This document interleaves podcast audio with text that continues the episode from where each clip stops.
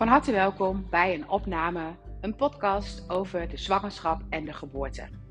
Naar aanleiding van mijn boeken, uh, mijn boekenzet, heb ik heel veel vragen in de mailbox gekregen, in de DM'tjes en overal. Met vragen over, zal dit iets zijn voor mijn kind? Want ik loop al heel lang hier of daar tegenaan. En ik vind het heel lastig om daar antwoord op te geven. Niet zozeer omdat ik niet weet hoe je daarnaar zou kunnen kijken. Maar ik merk dat het ingewikkeld is als je niet weet wat ik precies wil vertellen in het boek. Ehm, dat je dan misschien denkt: oh, nou dan ga ik dat doen en dan is het opgelost. Nou, ik weet zeker dat de kennis van de zwangerschap en de geboorte van een ongelooflijk belang zijn op jouw kind. En ik weet ook dat ik eigenlijk bij alle hulpvragen die ik ooit heb behandeld, dat ik de zwangerschap en de geboorte als basis neem. Want in mijn behandelingen vraag ik altijd de vragenlijst in te vullen over de zwangerschap en de geboorte. En dat haal ik ook heel vaak aan in een behandeling. Van ja, weet je, dat is daar gebeurd. En dit is wat er kan uh, ontstaan. Nou, kijk je naar een zwangerschap en naar een geboorte, dan moet je je voorstellen dat het moment dat ik een kindje zou krijgen, dat ik mijn kindje eigenlijk een soort van koffer meegeef met alle informatie om hier in het leven te overleven. En dat is informatie die heel nuttig is, want sommige dingen is echt super handig dat je dat weet. Maar er zijn ook overlevingsstrategieën bij die niet per se noodzakelijk zijn.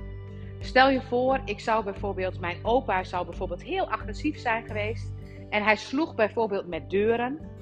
Dan leer je bijvoorbeeld, omdat mijn opa dat deed en mijn uh, moeder daar bijvoorbeeld uh, last van heeft gehad. Dit is niet zo hoor, maar ik schets even een situatie. Dan kan het zijn dat mijn moeder mij inprent dat het moment dat er met deuren geslagen wordt, dat ik mijzelf dan stil moet gaan houden. Dus als er met deuren geslagen wordt, moet je je stil houden. Want als de deur van opa dichtsloeg, dan was het het allerwijste dat je je stil ging houden. Oftewel de imprinting die daar op dat moment nuttig is, die geeft mijn moeder, omdat ze vanuit haar basis het idee heeft dat dat het beste is om te overleven, mee aan mij. Als een soort koffertje, als een soort tip om het te kunnen overleven. En zo geven wij als ouders heel veel tips mee vanuit de voorgeschiedenis hoe wij zouden moeten overleven. Nou, in het boek beschrijf ik dit. Beschrijf ik hoe dat werkt, hoe dat in elkaar zit. En beschrijf ik ook hoe die zwangerschap en die geboorte van invloed is op inprentingen bij een kind. Want je loopt tenslotte negen maanden met je moeder mee. Je krijgt alle informatie van moeder, wat super nuttig is, want het is allemaal informatie die jou helpt met overleven. Maar er zit ook informatie bij die jou ook kan weerhouden om te leven. Want het moment dat ik bij elke dichtstaande deur ga schrikken, dan ben ik op dat moment uit mijn systeem.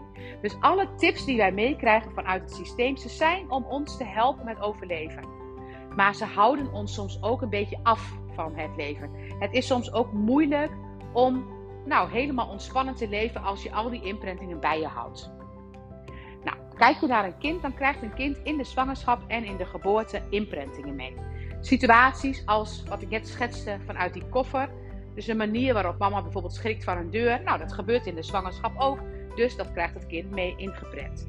En als een moeder het gevoel heeft, als ik uh, van de 100% 80% stress heb, als ik hard werk, dan kan ik het overleven. Dan krijgt het kind mee, je moet zeker 80% stress hebben, dan overleef je het. Als een moeder het idee heeft, als ik stil kom te zitten, dan gaat het niet goed met mij, dan gaat de moeder dus niet stilzitten. En dan krijgt het kind mee, je moet vooral niet stilzitten, want dan gaat het niet goed met mij. Ik weet een situatie van een jongetje die is geboren na een stil jongetje, noem je dat, een broertje die overleden is bij ongeveer 22 weken. Moeder voelde dat jongetje goed schoppen en opeens was er op een dag was er geen activiteit meer voelbaar. Ze voelde het kindje niet meer. Het kindje bewoog niet meer. Ze probeerde het kindje nog weer van, nou, maar hoe ga je nou bewegen? En uiteindelijk bleek bij de echo dat dit kindje niet meer bewoog en dus ook niet meer leefde. En wat ze het volgende kindje heeft meegegeven, en dat was ook de hulpvraag die ze hadden: dit jongetje kan niet stilzitten. Die kan geen moment stilzitten. En natuurlijk kan dit jongetje niet stilzitten, want stil liggen, stilzitten in de buik was bij moeder op het moment van zijn grotere broer het probleem, de, het moment zeg maar dat het fout ging. Dus stil moet je niet liggen, je moet maar blijven bewegen. En dat doet dit jongetje dus braaf. Dat heeft hij in zijn systeem ingeprent. Maar natuurlijk gaat het daar niet om. Ging het niet om uh, dat hij nu de hele dag moest gaan bewegen. Maar dat is wel hoe hij dat heeft ingeprent. Nou, kijk je dus naar zwangerschap en geboorte. Alle imprentingen die je daar hebt, die zijn overleving dienend. Maar ze kunnen jou dus in je leven heel erg hinderen. Nou, als je in de zwangerschap bijvoorbeeld um, heel erg veel angst hebt gehad of het goed zou gaan, dan kan een kind in zijn leven doorlopend veel angst hebben of dingen wel goed gaan. Die kan daar ook faalangst van ontwikkelen. Angst dat iets niet goed gaat. En als je bijvoorbeeld kijkt naar een bevalling en bij een bevalling heeft een kind uh, een duwtje nodig, bijvoorbeeld om geboren te worden, of misschien een tang of een vacuüm, dan zie je dat dit kindje bij alle geboortes die hij doet, dat duwtje nodig heeft.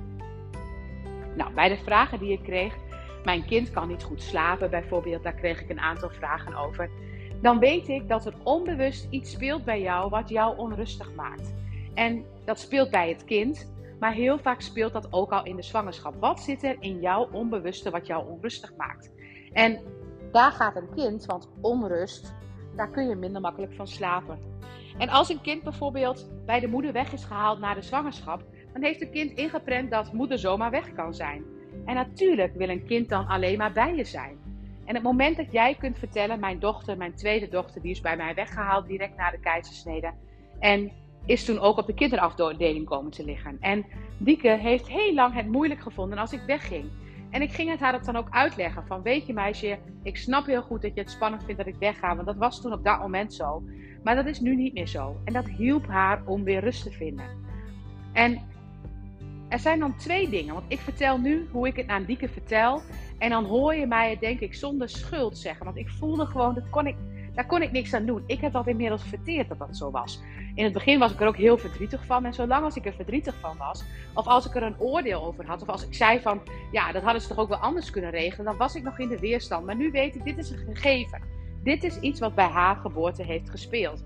En als ik dat ook op die manier kan vertellen, vanuit moederliefde van, oh meisje, dat is bij jou gebeurd. En ja, dat vond ik ook heel vervelend, maar zo is het. En de situatie nu, mama komt nu echt wel terug. Dat is niet hetzelfde als toen bij de bevalling. Dan vertel ik dat vanuit een neutraal en dan is het gelijk anders bij een kind. Maar het moment dat ik het zou vertellen vanuit boosheid, of ik heb het zelf nog niet verteerd, of er spelen onbewust nog thema's bij mij daarop. Of ik voel me daar schuldig over. Of de dokter had het niet goed gedaan. Of ik denk, oh wat vreselijk dat mijn kind daar zo'n last van heeft. Dan leg ik er ladingen op en kan ik het niet oplossen. Dus alles wat er speelt bij een kindje, daarbij is het heel belangrijk om te weten dat de manier waarop jij als moeder daarnaar kijkt bepalend is.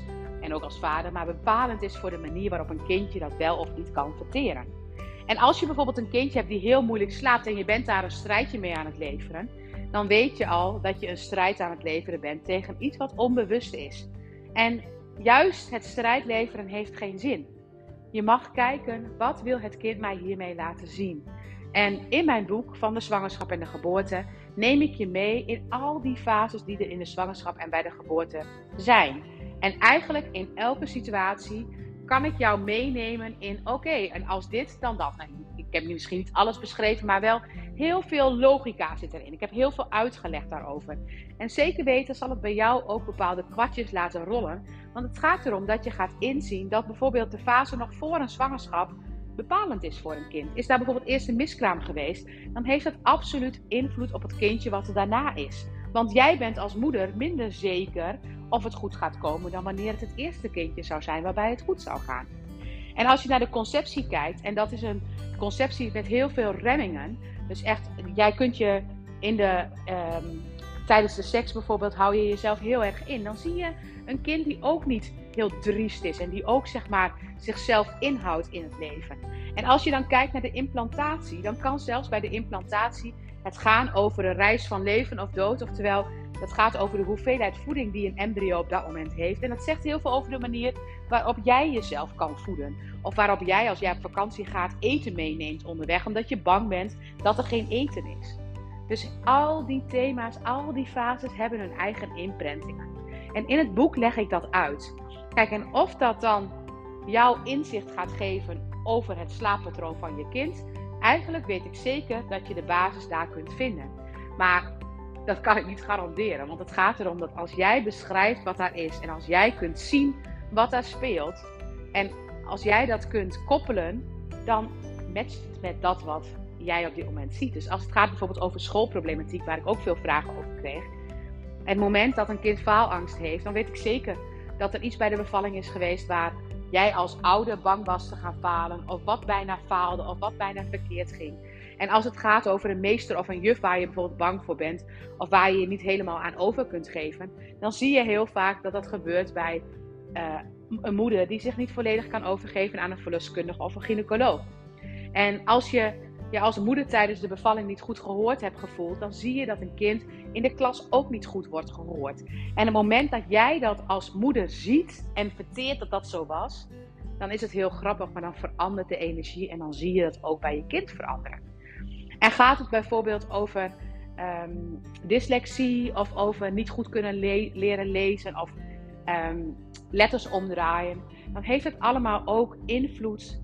Heeft de zwangerschap en ook de bevalling invloed op dat wat je dan gaat zien in leerproblemen. En natuurlijk kan dat ook iets zijn vanuit het koffertje, vanuit het systeem met overlevingsstrategieën. Ook daar schrijf ik over in mijn boek.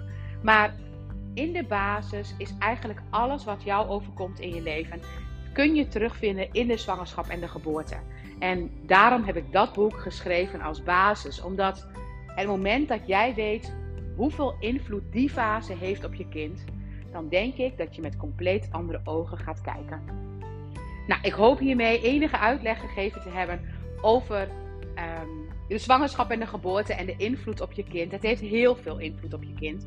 Maar natuurlijk kan ik niet garanderen dat jij het antwoord gaat vinden in de zwangerschap en de geboorte.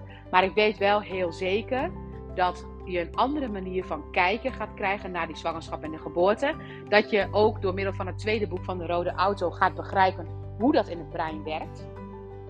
En dat je sowieso anders gaat kijken naar wat er speelt. En ik denk dat die andere blik jouw antwoorden gaat geven. Maar garanties kan ik natuurlijk niet geven. Dankjewel voor het luisteren.